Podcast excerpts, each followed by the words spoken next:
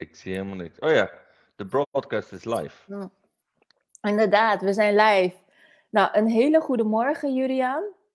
Goedemorgen. En, uh, goedemorgen. Even voor de uh, kijker en de luisteraar. Uh, ik zit hier samen met Julian van Rijswijk en we gaan samen een Energy Talk aan. En we gaan het in dit gesprek hebben over het ondernemerschap, over transformaties en over Julians um, ja, missie met Games for Health. En uh, nog even in het kort hoe ik Julian ken. Uh, ik heb Julian in 2010 ontmoet en dat was via uh, Sandra.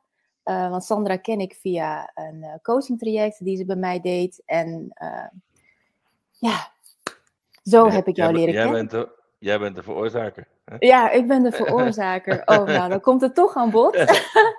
Ehm, nee. Ja, nee, en dan ga ik het ook gewoon even vertellen. Want het is gewoon zo'n mooi verhaal. Uh, ik had dus Sandra uh, in mijn praktijk en uh, ze zei, nou, ik sta er wel open voor om iemand te ontmoeten. En ze ontmoette Juriaan tijdens een netwerkbijeenkomst. En vervolgens zaten ze ja, ongeveer een klein jaartje later bij mij op de bank te praten over hoe ze elkaar hadden leren kennen en, en dat de vonken oversloegen. Dus een jaar later zijn ze zelfs getrouwd en ze zijn samen een stichting begonnen met de titel Games for Health. En uh, nou, nu naar jou, Julian. Uh, er zijn heel veel dingen gebeurd. Ja, dat klopt. Uh. We hebben ehm, eigenlijk de stichting is in 2011 hebben we het eerste grote internationale congres eh, Games for Health eh, gestart. Eh, want eigenlijk vanuit het idee van het is er nog niet, dus als wij nou zorgen dat het er is, dan is het er. Hè, dat is Ja, een beetje ja, ja. af en toe een soort self-fulfilling prophecy. Eh, maar dat heeft wel ook, dat is wel de motor geweest waardoor eh, ja, hetgeen wat we nu ook beroepsmatig doen, eh, echt is gaan draaien en gaan werken. Waar staat Games for Health voor? Nou, het, het mooie van de naam is dat het letterlijk is wat het is, namelijk spelen voor de gezondheid. Ehm, heel veel mensen denken gezondheidszorg, want, maar het heet niet Games for Healthcare. Het is Games for Health, dus het is echt games voor je gezondheid. Ehm, en wat wij zien is dat ehm, als je naar de zorg kijkt, eh, dan gebeuren een aantal hele maffe dingen. Ehm, jij bent klant van zorg, hè? stel je voor, je bent patiënt, noemen ze dat dan. Eh, een, een bedrijf zou dat gewoon klant noemen. En dan eh, kom je bij het bedrijf wat jou dan kan helpen. En dan zeggen ze, nou, ga maar even plaatsnemen. Nou, dat noemen ze dan ook nog wachtkamer. Dus je hebt klanten, die noem je patiënt. En je hebt een bedrijf wat klanten kan helpen, patiënten. En het eerste wat je doet als je die ontmoet, is zeggen: ga maar zitten en ga maar wachten op mij, totdat ik tijd voor je heb. Nou, als je, als, moet je, dat is compleet krankzinnig vanuit een zeggen, commercieel perspectief. En dan noemen ze dan ook nog wachtkamer, terwijl ze die tijd ook in die wachtkamer hadden kunnen gebruiken om toffe dingen met je te doen. Mhm. Dat zou Disney niet overkomen. Nou, daar hebben ze, als er al een rij is, wachtverzachters. Hè. Eh, De Efteling bouwt die heel mooi. Eh, als je dan toch in een rij moet staan wachten. Maar eh, dat willen ze eigenlijk liever niet. Nou, en in de zorg is het ook zo. Het is eh, ook nog eens een keer heel paternalistisch ingericht. Namelijk, je moet dit, je moet dat, eh, je moet dit niet, je moet dat niet. Mhm. Terwijl je zou ook kunnen, mensen iets kunnen geven wat ze leuk vinden en dat het dan vanzelf gebeurt. Nou, en een ander ding vind ik, dat is, is een soort paradigma. Eh, ehm, de zorg redeneert van als je maar niet ziek bent en gezond, dan kun je gelukkig zijn. Terwijl ik geloof dat geluk de basis is voor goede gezondheid en gezonde zorg. Dus dat is eigenlijk waarop die, waardoor de zorg eh, eigenlijk een heel slecht ontworpen spel is. Ehm, nou, en wij maken spellen, dus eh, dan kan je zeggen van, nou, we gaan er alleen maar wat van vinden, of we gaan helpen dat spel te verbeteren. Nou, dat laatste zijn we gaan doen. Dus we zijn aan het kijken hoe kan je nou door speelse interacties eh, een op een positieve manier bijdragen aan het systeem wat wij dan zorg noemen. Dus wij maken games die mensen leuk vinden om te spelen en daarmee worden ze ook een keer beter, maar dat is niet het primaire doel. Het primaire doel is iets leuks doen. Ja, nou, ik vind het heel mooi dat je eh, nou, echt iets bent gaan doen eigenlijk met, met al, alle ideeën die je hebt over de gezondheidszorg. En kun je een voorbeeld geven van ehm, wat heeft gewerkt? Iets wat jullie hebben ontworpen en wat bijdraagt aan het efficiënter en leuker maken van de zorg? Ja, onwijs veel. Dus ik uh, denk meer dan 100, uh, ik kan 100 voorbeelden uh, noemen. Um, een heel mooi voorbeeld vind ik van, een, van een spel wat nu zeg maar zeggen, ook gewoon nog in de, in, de, in de store van Nintendo te vinden is. dat is Tied Together. Dat is een spel waarbij je in het spel vastgebonden zit aan elkaar. Uh, je moet je voorstellen, als je Mario hebt, dan Mario moet alle hindernisjes nemen. Nou, moet je je voorstellen dat je dan met iemand samen in die hindernissen zit, maar vastgebonden aan een touwtje. Nou, dat is best wel lastig klimmen en slingen, maar het is ook wel handig, want je kunt één kan aan het plafond gaan hangen en die andere die kan gaan slingeren. Alleen het mooie van dit spel is dat moet je doen met elkaar in dezelfde ruimte, want je moet communiceren over, um, joh, ga jij nou aan het plafond hangen, dan ga ik slingeren, dan komen we over dat ravijn. Mhm. Als je dat niet doet, niet afstemt wie wat doet, dan wordt het een chaos. Nou, en dit helpt dus met kinderen die moeite hebben met communiceren. Bijvoorbeeld kinderen met uh, bepaalde vormen van autisme. Die vinden het lastig om te communiceren en daardoor hebben ze, wat dan de zorg een beperking noemt, uh, een beperking. Um, uh, terwijl als je ze dat spel geeft, ja, dan zitten ze eigenlijk binnen vijf minuten gewoon te kletsen met elkaar. En dan leren ze dus dat het heel belangrijk is om te communiceren, zonder dat het er bovenop ligt dat er gecommuniceerd moet worden. Dus je maakt eigenlijk praten onderdeel van een heel natuurlijk proces. Want die kinderen ah. snappen echt wel dat als, je, als ze niet praten, ja, dan gebeurt er niks. Dus kan je maar beter gaan praten, want ik wil dat spelletje spelen, dat is leuk. Nou, dat klinkt heel aantrekkelijk. Ja. ja. En dat is, zou ik maar zeggen, echt een entertainment game. Nou, dan heb je de, de, de, de, de tegenovergestelde, dat, dat hangt hier. Oh, het, het is een spiegelbeeld, dat is raar. Ja. uh, dat Post-IC, dat is een uh, digitaal dagboek. Um, dat um, wat op de IC wordt gebruikt voor patiënten die daar liggen. En die patiënten zijn uh, vaak in coma, worden comateus gehouden of in slaap. En dat dagboek is iets wat verpleegkundigen en families kunnen bijhouden voor die patiënt. Mm. En waarom is dat belangrijk? Namelijk als jij wakker wordt uh, van zo'n IC-opname, dan kan je na verloop van tijd kan je allerlei gevoelens van angst en depressie uh, gaan ontwikkelen. En dat noemen ze het post-intensive care syndroom. Dat is een, een, zou ik zeggen, een bijzondere vorm van een PTSS, post-traumatic stress syndroom wat je kunt ontwikkelen. Je gaat je namelijk allerlei waanideeën uh, ontwikkelen, uh, angst, je wordt angstig, je, je, voelt je depressief, je denkt dat je vastgebonden hebt gelegen aan dat bed, dat niemand zich om jou heeft bekommerd. Maar door terug te kunnen lezen in dat dagboek wat er daadwerkelijk is gebeurd om jou heen, kan je steun krijgen bij dat gevoel. En kun je dus voorkomen dat je ja, allerlei ellende uh, jou gaat overkomen en ook je familie. Want die hebben zoiets van, ja hallo, ik heb dag en nacht bij jou in bed gezeten en jij denkt dat ik er niet zat. Dat is echt wel waar hoor. Wat wij nou doen, en dat vind ik het bijzondere aan. Had ik nooit gedacht dat dat zou kunnen. Moet je je voorstellen, je ligt op de IC als je leven in gevaar is. Iedereen denkt op de IC krijg je de beste zorg ter wereld. No way. Het enige wat ze daar kunnen is jou in leven houden. En dat is nogal een soort violent, hè, een gewelddadige omgeving. Je wordt er letterlijk in leven gehouden. Je krijgt slangen in je, in je, in je lijf gestoken in je, om je ontlasting te doen. Aan de onderkant ook nog een keer, aan de achterkant. Dus, maar dat is dan de beste zorg die op dat moment ja, om nodig leven is. te houden. Ja, ja nodig is en mogelijk is. Dus dat is ja. gewoon wat ze kunnen doen. Dat is wat ze kunnen doen, maar je hoort overal piepjes, alarmpjes. Uh, die beademingsapparatuur die maakt vreselijk kabaal. Als je daar, en moet je je voorstellen, als je daar drie weken naast ligt, word je helemaal gestoord. Mhm. Jij ligt er ook niet te slapen met lawaai naast je op je, op je, op je nachtkastje. Dus ondanks dat die mensen fantastisch uh, goed zijn in het in leven houden van mensen, is de, is de omgeving zelf heel erg gewelddadig, zeg maar violent. Ik weet niet hoe ik dat nou. Traumatisch. Dus als je daar ligt, dan ontwikkel je dus een trauma omdat je daar ligt. Niet omdat jij eh, ziek bent geweest of geopereerd bent geweest. Nee, van het liggen daar ontwikkel je een trauma. Nou, en het bijhouden van een dagboekje helpt dus uh, bij het verwerken van dat trauma. Dat, dat vind ik echt heel erg mooi dat dat kan en dat ons dat is gelukt. En dat, en dan kun je je afvragen, wat is hier nou Games for Health aan? Nou, heel veel. Um, het is geen spel uiteraard, omdat we best wel snappen dat um, je geen game-game gaat maken in een situatie waar mensen zeggen, aan het knokken zijn voor hun leven.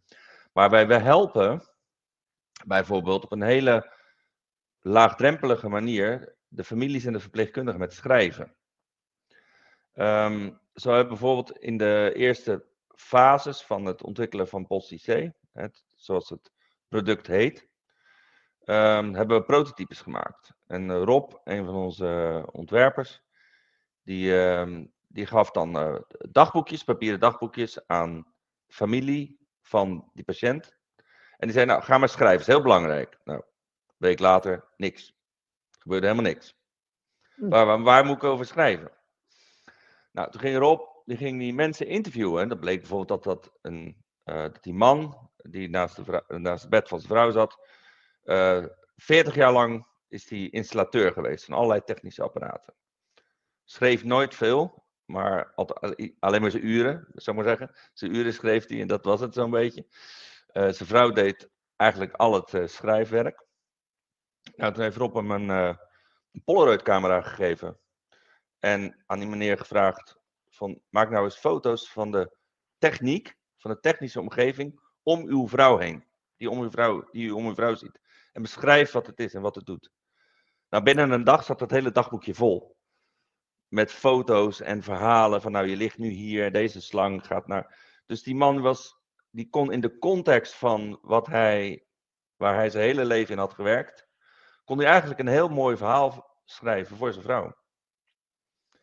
En dus om mensen in, ja, zeg maar, die in paniek zijn, iets te geven waardoor ze snappen, oh ja, ik wil, wel ik wil zeker wel wat doen, maar ik kan het niet doen. En ze dan kunnen helpen, waardoor er een heel mooi tijdsdocument eigenlijk ontstaat. Mm uh, in de wetenschap dat dat later die patiënt helpt, vind ik wel heel bijzonder dat dat gelukt is. Ja, dat is echt prachtig. En ik kan me herinneren dat je me uh, vertelde dat je dus mee hebt gelopen om te horen hoe het, hoe het eigenlijk werd gedaan. Hè? Dat het nog ja. steeds gewoon uh, met uh, papier en pen werd opgeschreven. Ja. En, um, nou, en door de speelelementen waar je mee bekend bent, heb je dat eigenlijk dus heb je eigenlijk zo'n product ontwikkeld. Uh, Wat dan niet een spel is, maar um, een, een product, een dienst. Uh, ja, het, waarmee is een speelse, ze... het is een speelse, een laagdrempelige speelse interactie. Ja, ja. Ik kan bijvoorbeeld met jou een spelletje nu spelen. Noemen ze een sport met de letter K? Korfbal. Doe jij een korfbal? Nee. Doe je wel een sport? Ja, zeker. Maar korfbal schiet me zo te binnen omdat uh, Arnold daar heel lang op heeft gezeten. Oké, okay, en wat voor sport doe jij? Uh, yoga uh, en krachttraining. Nou, binnen vijf seconden of tien seconden weet ik heel veel over jouw beweeggedrag. Zonder dat het voor jou voelt als een enquête. Maar eigenlijk als pim pam pet. En je stelt mij helemaal niet de vraag, wat stel je nou voor een debiele vraag aan mij? Dus jij, mensen staan gewoon aan om te spelen. Ja. En dus zo helpen we ook mensen van, nou waar ben je nu? Nou, als mensen zeggen, ja, ik ben nu in het ziekenhuis of ik ben thuis. Nou, dan weet je, heb je al informatie in context, waardoor je ze kunt helpen te gaan schrijven over iets. -hmm. Ja, inderdaad. Mooi. Nou, en uh, Julian, ik ben heel erg benieuwd naar um, of, of jij dit zeg maar als kind al zo in je had. Dat je als kind altijd aan het spelen was of hoe, was dat voor jou? Wa waardoor ben je eigenlijk dit gaan doen? Um, nou, ik was wel altijd aan het spelen. Ik uh, bouwde altijd. Uh, ik had blokken, Lego, uh, Playmobil en allemaal dat soort. En daar bouwde ik steden mee in mijn kamer. Dus, dus soms kon je gewoon echt niet meer lopen. Kon ik niet naar mijn bed. Dan moest ik helemaal. Dat was mijn hele kamer. best een grote kamer, vond ik. Ja, je moest door je eigen stad lopen. Ik moest door mijn eigen stad lopen. Dat was super, super tof. En het bouwen is leuker dan ermee spelen, moet ik ook eerlijk zeggen. Ja. Dus ik ben wel echt een maker. Mhm. En ik weet nog dat mijn vader, die werkte toen bij de PTT. Ehm, en die had op een gegeven moment had hij een klein computertje. Een Sinclair ZX Spectrum. Met van die rubberen toetsjes. En die kon je aan je tv hangen, zwart-wit tv. En dan kon je programmeren. Maar er zat geen geheugenkaart in. Dus als- je ging programmeren, en het mo- moest allemaal aanblijven. Als je het uitzette, was het weg. Maar dan kon je wel eh, dingetjes mee programmeren. En dat vond ik super gaaf. Nou, en toen kwam op een gegeven moment, dat was in 1983 volgens mij. Hoe oud was je toen? 14, 13, 14. Ja. Ehm, kwam de Pac-Man. En dat was dan een, een kastje, gewoon een dedicated kastje voor Pac-Man. Nou, dat heb ik gewoon echt gewoon. Ik, ik was vastgeplakt aan dat, aan dat apparaat. Echt alleen maar Pac-Man. Gewoon Pac-Man, Pac-Man, Pac-Man. Jarenlang Pac-Man. Alleen maar Pac-Man. Al, iedere seconde die ik had Pac-Man. Op zo'n klein, eh, klein schermpje, zwart-wit. Super nice. En toen ben ik gaan proberen of ik dat op die, dat, dat computertje met die rubberen toetsen kon nabouwen. Mm. En zo heb ik eigenlijk games leren maken. Dat ik gewoon ga, ben gaan kijken van, joh, kan je Pac-Man nabouwen? Dat is helemaal niet zo ingewikkeld, eh, Pac-Man. En, en zo ben ik eigenlijk in het, in de, ik, en toen had ik zoiets van, dat is vet dat je, hoe gaaf zou het zijn dat je van, je, van spellen maken je werk kan maken. Ja, en dat, leek dacht je, dat dacht je dus toen al. Dat je... Ja, nou ja, ik, had, ik, wilde, ik wilde boswachter worden, dus ik weet niet hoe ik dat had gedaan. Dan was het waarschijnlijk games maken, was dan hobby gebleven, denk ik, als ik boswachter. Maar dat lukte niet, omdat ik op een gegeven moment was ik te ver doorgestudeerd, te ver doorgeleerd. Dus toen was ik overgekwalificeerd, zoals Staatsbosbeheer in, een, in, mijn, in het bedankbrief voor mijn sollicitatie schreef.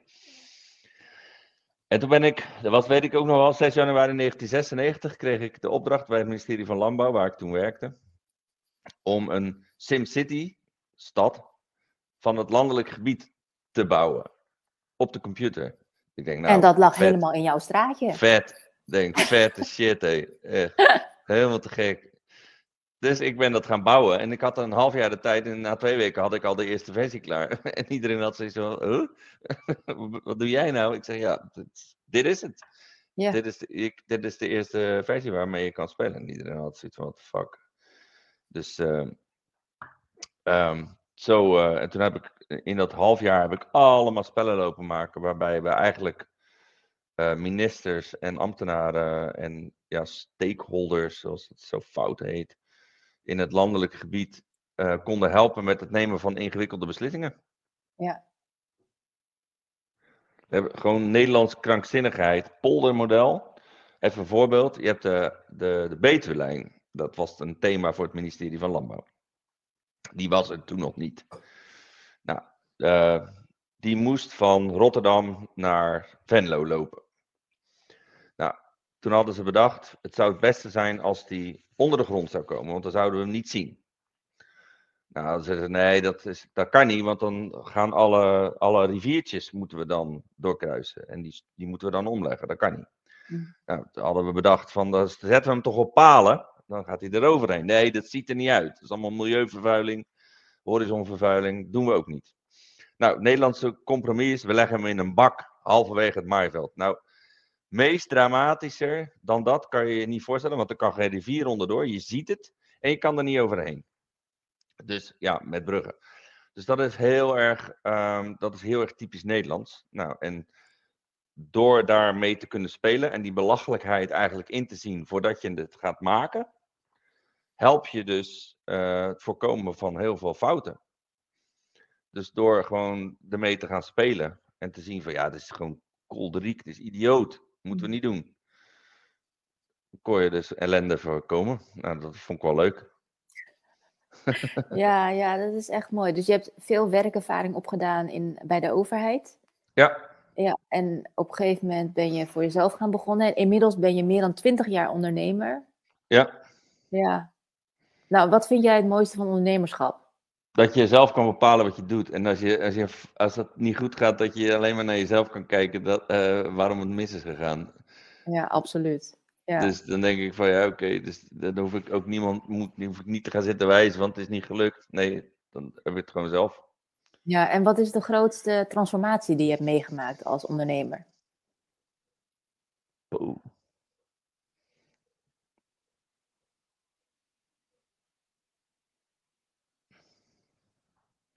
Nou, het- ik weet niet of het een transformatie is, maar da- dat je dus, eh, nou sowieso, sowieso volhouden, dat, dat is een dingetje. Dat leer je wel als, als je on- aan het ondernemen bent. Dat er meer fout gaat dan goed, is Ja. ook eh, denk ik iets wat je wel leert.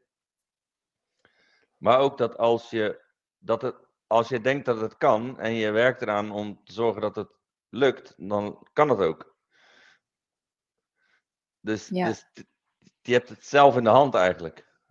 Mhm. Dat, dat vind ik wel heel mooi. Dus, ja, en dat kan zo, kunnen hele gekke dingen zijn die je kan bedenken. Maar ja, als je, als je, als je daarvoor gaat, ja, dan, dan kan je ze ook gewoon realiseren. Ja, inderdaad. Dus je kan gewoon rennen, maar on- kies, zeg iets. Hè, wat, wat, wat ik ook zo mooi vind aan eh, van Elon Musk, dat doet hij dan eh, zeg maar zeggen, op een andere, andere schaal, een ander niveau. Maar ja, die had zoiets van, het is handiger om eh, mensen in een vacuümbuis, eh eh eh, naar de andere kant van Amerika te schieten. Ja, maar die buizen kunnen we niet op de grond leggen. Nou, dan gaan we toch boren. Dus nou, dan leggen we ze onder de grond. Ja, en dat bedrijf noemt hij dan de Boring Company. Met een knipoog naar boring, vervelend. Ja, Maar die boort gewoon dan buizen. Nou, dan heeft hij weer een nieuw bedrijf die buizen kan bouwen onder de grond. Ja. Geniaal. Ja, inderdaad. Nee, maar om even terug te komen op eh, een transformatie die in jouw ehm, ondernemende leven heeft plaatsgevonden. Zou het kunnen zijn dat ehm, dat moment dat je met Sandra, zeg maar in 2010, die stichting eh, op had gericht, Games for Health, en daar had jij, zeg maar, al je geloof en hoop Ja. en je wensen, zeg maar, opgestort. Zeker. En, en dat is inmiddels werkelijkheid geworden. Want zes jaar, of in 2016 ehm, heb je daar een bedrijf aan gekoppeld met de naam Games for Health. Klopt. Ja, kijk. ehm, dat, dat, daar zit een heel. Het is niet. Ja, het is wel. Het is eerder transitie dan transformatie, zou ik zeggen. Oh. Ehm, kijk, ik ben begonnen met entertainment games. En na mijn, mijn, mijn carrière bij het ministerie van Landbouw ben ik begonnen met entertainment games. Nou, er zitten miljoenen mensen in een fake bullshit wereld fake bullshit problemen op te lossen. En ze zijn er ook nog bereid om daarvoor te betalen. Nou, dan denk ik van. En ze zijn er onwijs goed in. En ze doen het echt dagen. En ik had altijd zoiets van. Is het niet een beetje raar dat zoveel mensen zoveel geld betalen voor het oplossen van fake bullshit problemen in de fake bullshit wereld? Mhm. Nou, en toen zijn we, heb ik eigenlijk de eerste stap die ik gezet heb om dat in, om echte problemen met elkaar op te lossen. Want hoe vet is het dat je games kan maken waarbij we in het echt die problemen kunnen gaan zitten oplossen. Er zijn problemen genoeg op aarde, dus eh, voldoende brandstof voor spelletjes als je die zou hebben. De eerste stap was dat we spellen zijn gaan maken voor grote corporates. Hè, dus grote bedrijven zoals KLM, eh, Vodafone, Albert Heijn. eh, om te kijken hoe kan je mensen betrekken bij het merk in een digitale wereld. Ehm, en, ehm, en daar dingen doen waar ze ook nog bereid zijn voor te betalen. Of die bijdragen aan jouw commerciële succes. Nou, dat lukte. Ehm, alleen, dat was het succes, de winst, zou ik maar zeggen, voor het bedrijf. Niet voor die spelers. Want die spelers waren nog gewoon eh, aan het betalen en zou ik maar zeggen, problemen van het bedrijf aan het oplossen. In plaats van problemen voor zichzelf. En toen ben ik in, even kijken, ergens in 2007, 2008 betrokken geraakt bij een spel voor kinderen met kanker. Mhm. Waarvan in een onderzoek werd aangetoond dat kinderen die dat spel spelen sneller herstellen van kanker. En toen had ik zoiets van wauw. Omdat ze therapietrouw ontwikkelden en minder stresshormonen in het bloed hadden door het spelen van het spel, Ja, geweldig. herstelden ze sneller. Dus ik denk, hé, hey, het is dus daadwerkelijk mogelijk om gezondheidswinst, hè, dus de winst te boeken voor de speler zelf. Ja. Nou, dat was voor mij eigenlijk wel de trigger om te denken van, ja, dit is misschien wel de stap waar ik naartoe zou willen. Dat je namelijk eh, mensen iets laat doen wat, waardoor als ze het daarmee bezig zijn, het ook nog op een positieve manier bijdraagt aan hun gezondheid. Mhm. In plaats van dat we allemaal roepen dat games verslavend zijn en eh stom. Ja. Ja, Eh, dus dat is de transitie die je hebt meegemaakt. Vanuit de entertainment sector naar Ja. games maken om Ja. gezondheidswinst te behalen. Ja, en wat je nu ziet is dat we eigenlijk weer aan het. We komen weer toch wel weer terug bij entertainment games. Hm. Want wij zijn bijvoorbeeld nu bezig met het maken van een heel groot spel. Waar mensen met. ehm, het is een hyper-casual game, dus à la Candy Crush.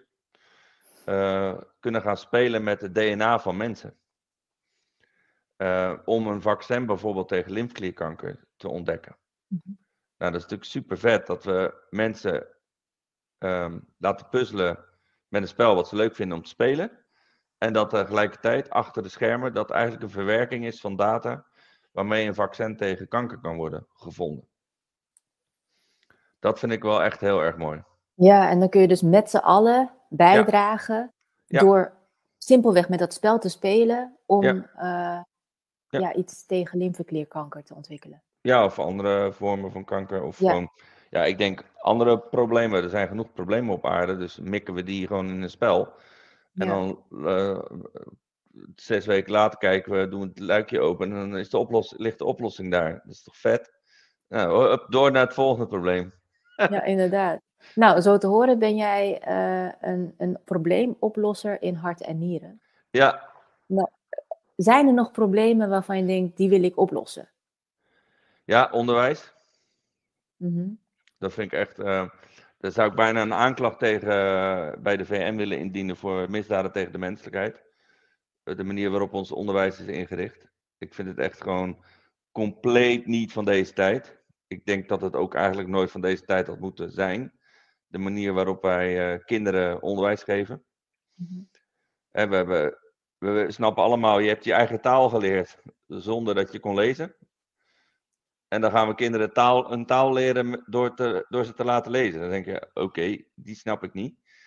Ehm, je hebt ook niet leren fietsen door het lezen van een boek. Eh, Je hebt gewoon leren fietsen door vallen en opstaan. En dan gaan wij kinderen eh, verplicht stellen met z'n dertigen eh, acht uur lang te moeten zitten, wat al zeg maar, heel erg ongezond is. Ehm, en dan te luisteren naar iemand die gaat staan te vertellen wat het is. En ze dat dan moeten theoretiseren in hun hoofd en moeten opschrijven. Ja.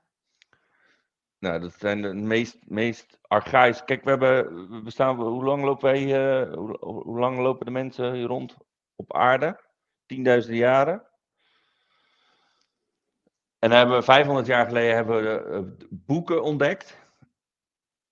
En nou barst het overal van de bibliotheken en de boeken.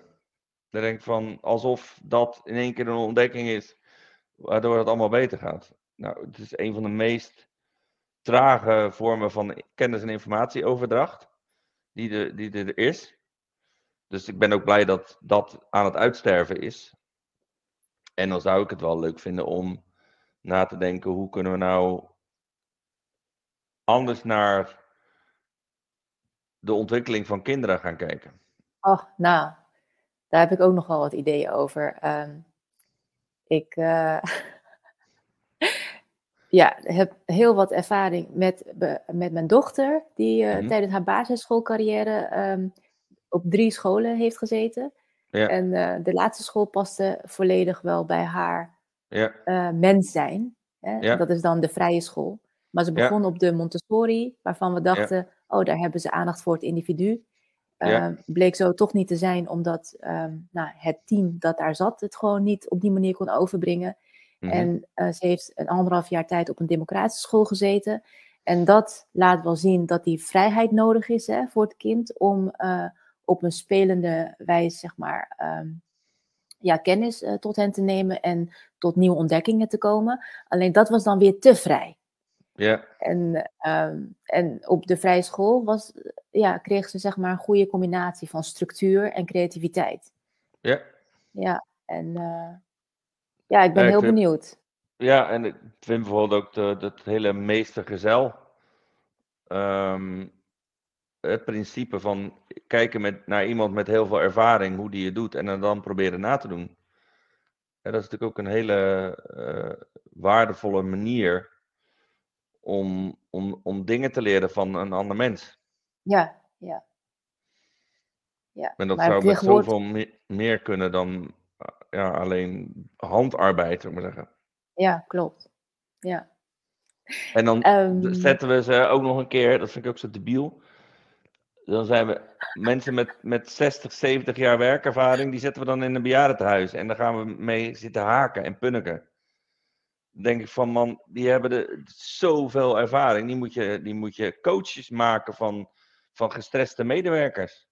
mhm, Want die hebben allemaal levenservaring, die hebben de tijd, die willen graag vertellen over de ervaring die ze hebben. absoluut. Nee, stoppen we ze weg. Ja.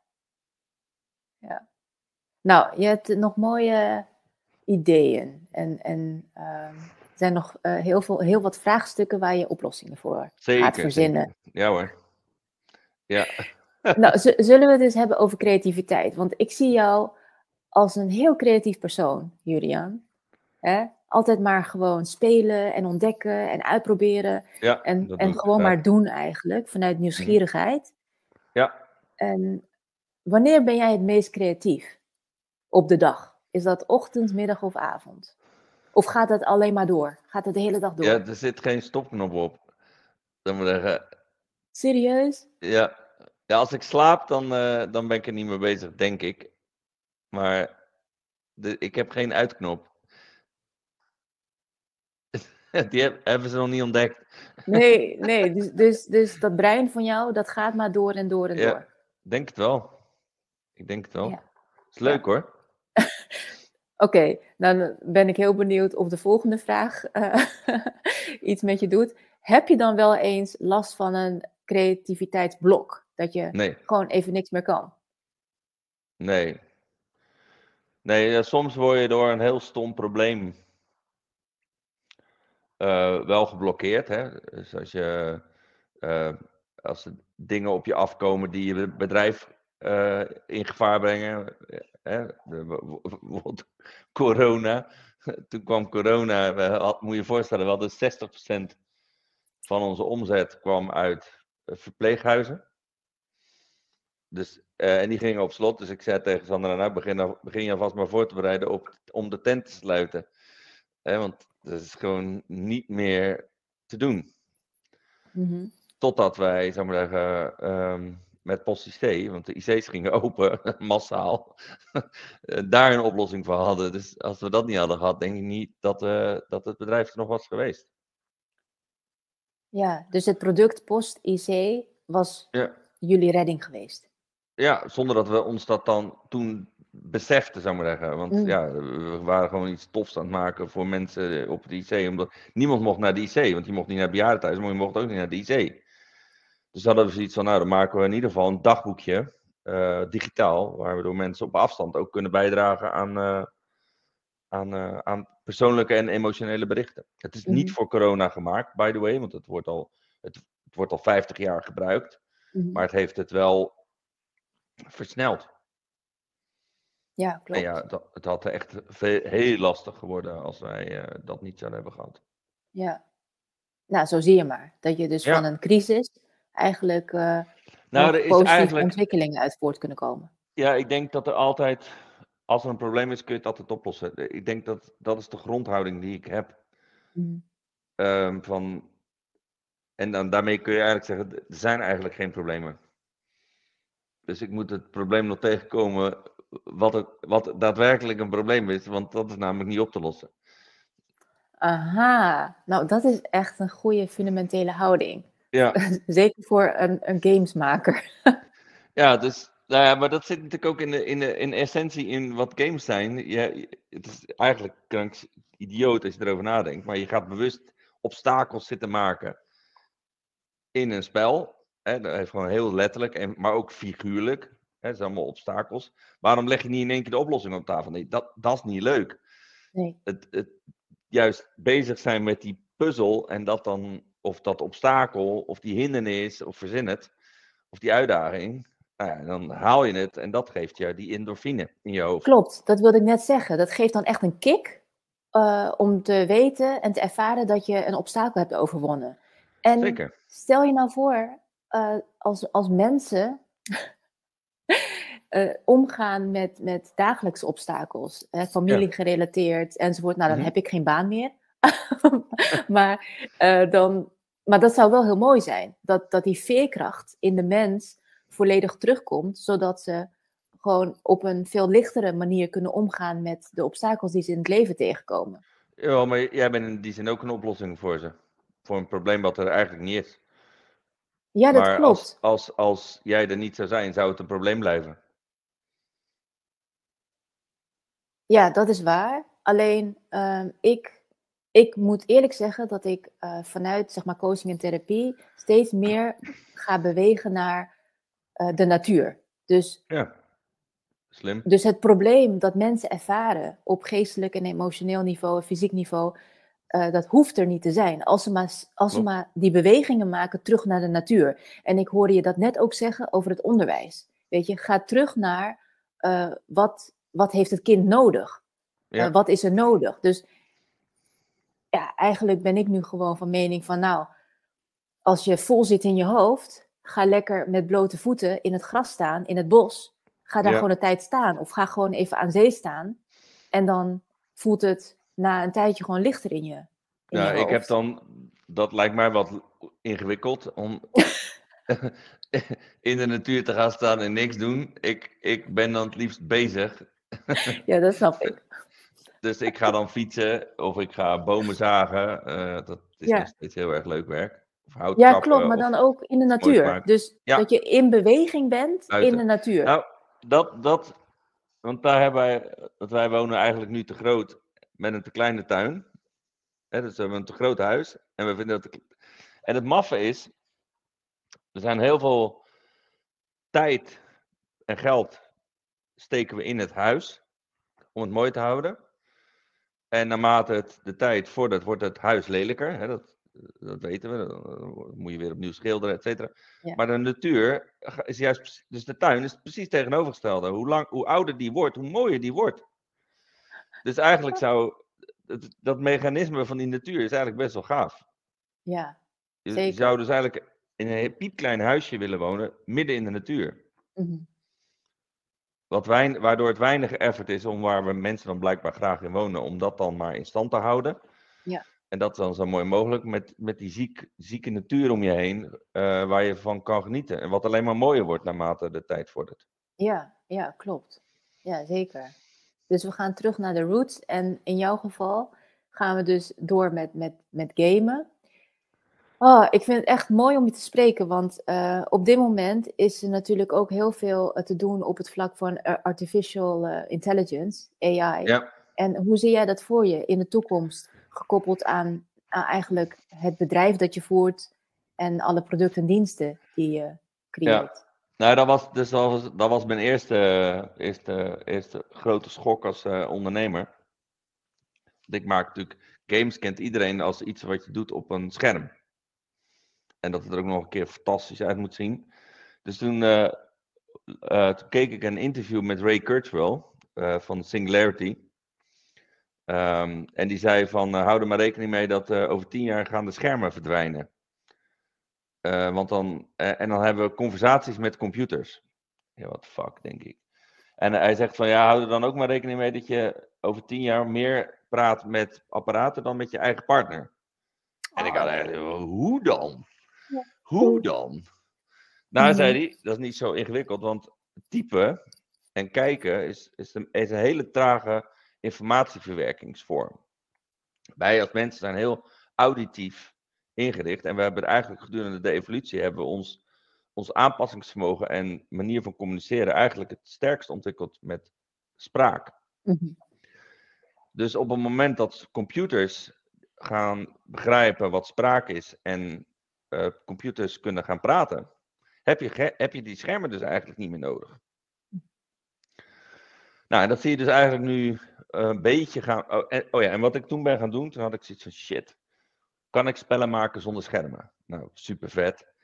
Ehm, Dus toen zijn we eens gaan experimenteren met chatbots. Nou, en wat, waar kwamen we achter? Dat chatbots zijn eigenlijk hele domme apparaten die een slecht antwoord geven op een slimme vraag. Ja, als je, ik weet niet of je bij, wel bij een winkel heb je een chatbot. Ja, ja, ik heb het wel eens uitgeprobeerd. Ja, gewoon via T-Mobile. Of... Gaat helemaal nergens op. Ja. ja. En toen had ik eigenlijk zoiets van, maar dat is eigenlijk niet wat we willen. We willen geen antwoord geven, we willen vragen stellen. Want door aan mensen vragen te stellen, kunnen de mensen het antwoord geven. Dat is ook veel makkelijker. Hoef ik geen slimme uh, apparaat te gaan bedenken wat slimme antwoorden gaat geven, maar wat gewoon slimme vragen stelt. Die mensen geven die antwoorden wel. Mhm. En of dat ene mensen die het dan niet weten, het antwoord dan niet kan geven, maar iemand anders, dat kan organiseren. Dus toen zijn we eigenlijk die, die chatbot-technologie binnenste buiten gaan keren en zijn we chatbots gaan leren goede vragen te stellen in plaats van slimme antwoorden, uh, domme antwoorden. Dus wij hebben nu chatbots die slimme vragen kunnen stellen. Nou, en daar hebben we bijvoorbeeld ook het dagboekje meegemaakt. Dus wij hebben nu een platform waarmee we dus slimme vragen aan mensen kunnen stellen. En dan is, als je dat kunt uitspreken, is dat scherm inderdaad gewoon ook helemaal niet meer nodig. Nee. Nou, en, dan, en als je dan gaat kijken naar artificial intelligence, wat ik daar dan van vind, sowieso vind ik het woord slecht, het is kunstmatig. Dus wij zijn niet kunstmatig. Het is ook nog eens een keer zelf door mensen in elkaar gezet. Dus ja, het is mensmatig in plaats van kunstmatig. Ja. En wat we ook weten is dat als je mensen laat samen. Kijk, mensen en machines samen iets doen, dan komt magic. He, ploegen bijvoorbeeld, ploegen, dat is ook een mens en een machine. Nou, dan krijg je een mooi zaaibed. Dus als je mensen en machines laat samenwerken, worden ze erbij de beter van. Mm. en dat kan je heel goed organiseren met spel. Mm. Want machines houden eigenlijk niet zo van. Dat vinden we een beetje maffe, maffe dingen. Maar als je, als, je dat, als je die interface naar die machine een spel maakt, dan vinden we het in één keer wel tof. Dus ik denk, en dat noemen wij dan, wat wij intern dan playful intelligence noemen. Hè, wij laten mensen en machines, AI, samenwerken en daar worden ze beide slimmer van. Zowel die AI als de mens. Dat is een leuke benaming. Playful intelligence. Ja, dus wij hebben playful intelligence bedacht. Ja. Dus je hebt human intelligence, uh, machine learning en machine intelligence, wat dan AI wordt genoemd. Mm. En wij zeggen dat die brug, die interface tussen die twee, dat is playful intelligence. Mm. Dat is wat wij doen. Nou, en dat is eigenlijk voorbereidend op een ontwikkeling die gaat komen. Um, en dat is dat er een, ergens tussen nu en zeven jaar, tien jaar, zal er dus een uh, directe koppeling komen tussen het internet en ons hoofd. Nou, en dat is um, nu misschien nog ondenkbaar, maar er is al een koppeling tussen het internet en jouw hoofd. Namelijk, dat zijn je ogen. Daarmee kan je in Google kijken. En je kan dus typen met je, met je analoge vingers naar een zoekterm. En dan uh, presenteert het internet iets op een scherm. En dat komt dan in jouw hoofd, het antwoord. Ja. Dus die koppeling is er eigenlijk al. En dat is een hele trage koppeling. Je kunt je voorstellen als als dat, die interface met je handen en je ogen niet meer zou hoeven, maar dat kan rechtstreeks, dan gaat het allemaal veel sneller. Nou. Bijvoorbeeld dat je denkt aan, ik wil nu even uh, iets plaatsen op een social media platform. Je denkt eraan, dan komt het in beeld, zeg maar in Ja. de lucht, en dan Ja. kun je het aanklikken. Ja, bijvoorbeeld heel simpel. eh, ik, ik weet niet hoe vaak ik op mijn telefoon kijk of de Albert Heijn open is of de, een winkel.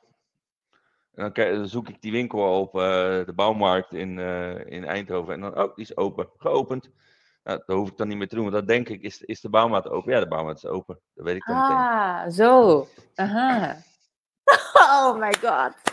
Maar dat is, dat ik maar zeggen, nog heel praktisch. En dat is ook iets wat wij kunnen voorstellen. Ja. Maar er zijn natuurlijk ook, ehm, en dat heeft denk ik te maken met, eh, dat heeft Ray Kurzweil denk ik ook heel mooi uitgelegd, is de mens heeft zich ontwikkeld tot wie we nu zijn, eh, met allerlei eh, ja, kunst eh, en dansen en eh, ehm, eh, verhalen Poëzie, kunnen schrijven, ja. poëzie. Mhm. Mhm.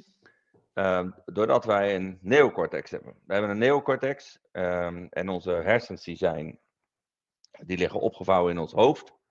En die zijn gekruld. Dat patroon ken je wel. Waarom? Om een zo groot mogelijk oppervlakte te creëren voor je neocortex. Want die neocortex ligt daar heel mooi overheen. Mhm. Als je die dus uit zou spreiden, dan heb je ongeveer een, een, een servet te pakken. eh groot servet. Dat is onze neocortex. En die heeft een bepaalde structuur. Nou, en dat, met die structuur zijn wij dus in staat om ons heel snel aan te passen. Ja. En dat heeft ook ons ontwikkeld. Nou, er zijn dus 7, mensen, 7 miljard mensen op aarde. Nou, die hebben 7 miljard servetjes Mhm. met zo'n neocortex. Het internet, grappig genoeg, heeft exact dezelfde structuur als onze neocortex. Dus als, je kunt je voorstellen, als die neocortex gekoppeld kan worden aan onze hersens, dan hebben we in één keer een neocortex zo groot als de wereld. Plus verbinding met 7 miljard andere neocortexjes. Nou, dan volgens mij ga je dan gelachen gieren brullen. Als dat, zou ik maar zeggen, zonder, zonder tussen- tussenkomst van een apparaat eh, gekoppeld kan worden, nou, dan, dan, dan, heb je, dan, heb je, dan heb je de matrix te pakken, ik maar zeggen. Ja, inderdaad. En, En dat is wel dan- wat ze voorzien, wat er gaat Ja. gebeuren. Oké, dus wat ik voor me zie, dan eh, tune je erop in, je connect ermee met die 7 miljard neocortexen. En dan, wat jij dus net ook aangaf, dan wordt je aanpassingsvermogen gigantisch. Maar Ja. goed, soms wil je dat niet, dus dan ga je gewoon even disconnecten. En dan ben je weer gewoon lekker in je eentje met je eigen neocortex. Ja, of het is, het is gewoon eh, eh, porno in het kwadraat, dat kan natuurlijk ook. Dat we Ah. nooit meer terug willen. Oh, oké. Dat, dat, dat weet je niet. We weten het niet. We kunnen het ons nu niet voorstellen. Ja, Maar we zijn wel, hè, we zijn creatief, we houden van dansen, we houden van muziek, we houden van eh, kunst en cultuur. mhm. Dus, en dat is nog maar met dit kleine neocortexje voor elkaar gebokst. Dus Ja. kun je je voorstellen, als we, een, als we er eentje hebben die eh, ja, eh, een paar miljard keer groter is, ja, ja, ik begrijp het. wat Nou, er dan gebeurt. Ja, dus, dus er ligt nog heel veel in het verschiet en we kunnen het ons nu niet, nog niet voorstellen wat het dan allemaal Nee. kan zijn. Nee. Maar ehm, hoe ik jou erover hoor praten is dat je eh, het niet ziet als een bedreiging, maar meer als een verwelkoming ervan. Eh, maar dan vanuit het perspectief, let's just stay playful. Hè? Ja. Playful, eh, intelligence. Nou, ik denk dat dat ertoe heeft geleid dat dat er nu in gaat komen. Ja. Dus ik denk Ja. dat het. Kijk, Ja, want het waarom zijn we.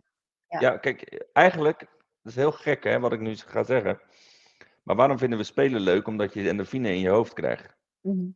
Dus we vinden spelen helemaal niet leuk. Nee, dat die endorfine vrijkomt in ons koppie, dat vinden we lekker. Hè, we zijn verslaafd eigenlijk aan de endorfine in ons eigen hoofd. En daarom spelen we, want we weten als we dat doen, komt die endorfine vrij. Dat Ja, is, dus dat is wat, wat ons eigenlijk verslaafd heeft gemaakt aan, ja, noem het dan maar even, een, niet games, maar spelen. Ja, En dat is eigenlijk, dat is eigenlijk een beloningsmechanisme van ons eigen lichaam. Om maar te blijven spelen en om te blijven ontwikkelen. Dus we zijn een soort van treintje en motortje. Om maar continu met nieuwe dingen te komen. Want dan komt die endorfine vrij. Ah, lekker, lekker, lekker. En maar door, en maar door, en maar door. Ja. Ja, zou je dat ook kunnen zien als in de flow zijn, in een staat van flow zijn? Ja, en de een je- heeft dat meer dan de ander. Ja, Kijk, Ja. mensen met Parkinson, die hebben een tekort aan dopamine. Nou, en ehm, daar hebben we ook. eh, ehm, en en nou, de bijkomst is dat ze dan ook nog gaan trillen, maar dat is eigenlijk compensatie. Wat we hebben en, en waar bijvoorbeeld Bas Bloem, en een neuroloog eh, van Radboud, niet, niet achterkomt, is dat hij weet dat bijvoorbeeld bepaalde beroepsgroepen, dat zijn wat inactieve, eh, daar, daar, daar zitten, werken mensen met een wat inactief karakter. Nou, en hij weet dat als je inactief bent, is de kans op de ontwikkeling van Parkinson is groter. Maar hij weet niet of dat komt omdat die mensen met een inactieve, die in een inactieve beroepsgroep werken, bijvoorbeeld boekhouden, hè, wat heel, ik maar zeggen, ehm, routinematig, rou- routinematige werkzaamheden zijn. Of je daardoor juist dat tekort aan dopamine ontwikkelt, of dat mensen die daar aanleg voor hebben, dat soort beroep kiezen. Snap je? Mhm. Dus dat is, dat is natuurlijk ook, als je daarover na gaat denken, ja, heel bijzonder. Dat je dus ook ja, een versterkte vorm van in- inactiviteit eigenlijk op jezelf kunt ontwikkelen, waardoor je dus gewoon ziek wordt en uiteindelijk doodgaat. Dat is ook gewoon eh, heel maf. Ja, zeker. En je ziet dus als je die dopamine dus kunstmatig toedient, uh, dat dat dus in ieder geval weer als symptoombestrijder weer even wat beter gaat. Of de endorfine. Nee, uh, dopamine moet ik zeggen. Dopamine, ja. Ja. Dus we zijn eigenlijk gewoon een, een ja, noem maar een zak hormonen. Uh, chemisch, een chemisch in ons hoofd. Daar weten we natuurlijk al heel weinig van. Mm. Ja. Nou, en uh, om even terug te gaan naar het heden. dus ja. van, de, van, van de toekomst naar het heden. Uh, wij hebben in januari dit jaar weer contact gekregen met elkaar. Ja. Uh, toen jij in Brazilië zat. Zeker. Ja, want jij zat in Brazilië. En toen uh, hield je me op de hoogte van wat jullie daar aan het doen zijn met Games for Health. Klopt. En that's not Europe, it's Games Nee. for Health Ja, global. Brazil. Global. Ja, Games for Health Games Brazil. for Health Brazil. Ik heb Ja, eh, wat, wat doen jullie daar allemaal? Nou, dat is eigenlijk ons goede doelenproject. Ehm, zou ik bijna willen zeggen, of dat is het eigenlijk ook. Eh, dat betalen we zelf. Ehm, en wat we, ik heb in Brazilië gewoond. En wat ik daar heb gezien, is dat er heel veel mensen in armoede leven, terwijl dat eigenlijk niet zou hoeven. Men- er wonen miljoenen mensen in, een, eh, in de favela. Nou, en dat is een soort van, dat is dan de naam voor de eh, eh, sloppenwijken. En dat is een soort wereldje op zichzelf. En dat houdt zichzelf ook in stand met eigenlijk hele slechte dingen. Eh, namelijk, eh, er wordt enorm veel, er is heel veel diefstal vanuit die favela in een maatschappelijke omgeving. Dus de, de stad, ehm, ik zit even in een interview, Rob. Ehm, en er is drugs, er is eh, criminaliteit, eh, prostitutie, verzin het allemaal. En dat is een soort van cultuur waar je dan in komt, waar je dan ook weer niet, als je daarin wordt grootgebracht, niet meer uitkomt. Nou, en om dat te doorbreken, eh, er zijn ook geen scholen, dus je, kunt, je komt ook slecht naar school. Er zijn wel wat schooltjes, maar dat is eigenlijk alleen voor de echte rijken. Ehm, hadden we zoiets van, kun je nou niet gewoon een programma maken waardoor kinderen zelf dingen kunnen maken waardoor ze zelf kunnen leren. Eh, ze willen bijvoorbeeld allemaal Engels leren, maar dat lukte niet, want op school wordt geen Engels gegeven. Dus ehm, hebben wij ze eigenlijk een programma, eh, hebben we een programma gemaakt waardoor we docenten en kinderen zelf educatieve spellen kunnen maken.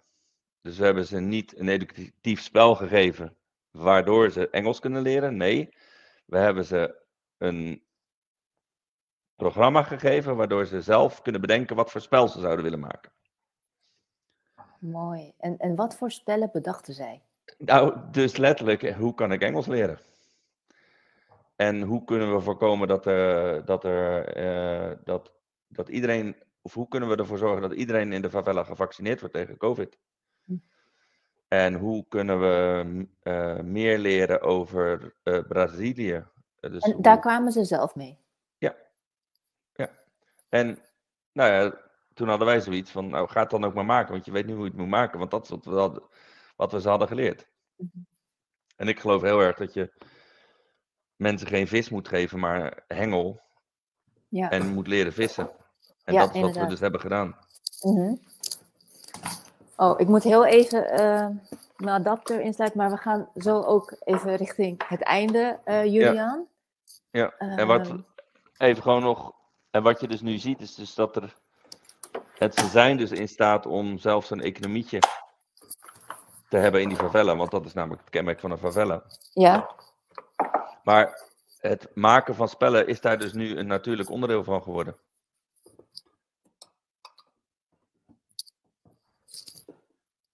Ben er weer. Het maak, wat zei je nou? Het maken van spellen?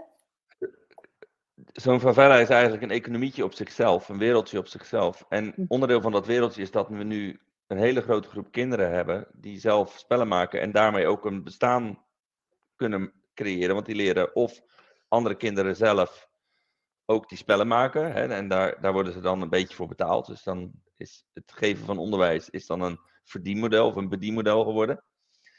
Uh, maar kinderen leren ook Engels en daardoor kunnen ze dus, als ze uit die favela komen, ook gewoon in een omgeving werken waar Engels wordt gesproken. Mhm. Ja. Nou, dat is denk ik heel mooi. Ja, geweldig. en we zijn dus nu aan het nadenken van hoe kunnen we dat project nou opschalen. Ja. Dus hoe kunnen we ervoor zorgen dat dit ehm, niet alleen in de favela in Rio de Janeiro wordt opgeschaald, maar in alle, in alle favelas in heel Rio, maar mhm. misschien zelfs in alle favelas in heel Brazilië. Mm ja. Ja, schitterend. Mooi hoor, Julian. Ja. Echt. Ja. Ehm, nou, een laatste vraag nog. Uh, want zit er nog een congres aan te komen vanuit Games for Health Europe? Dat ja, jijn moet ik zeggen.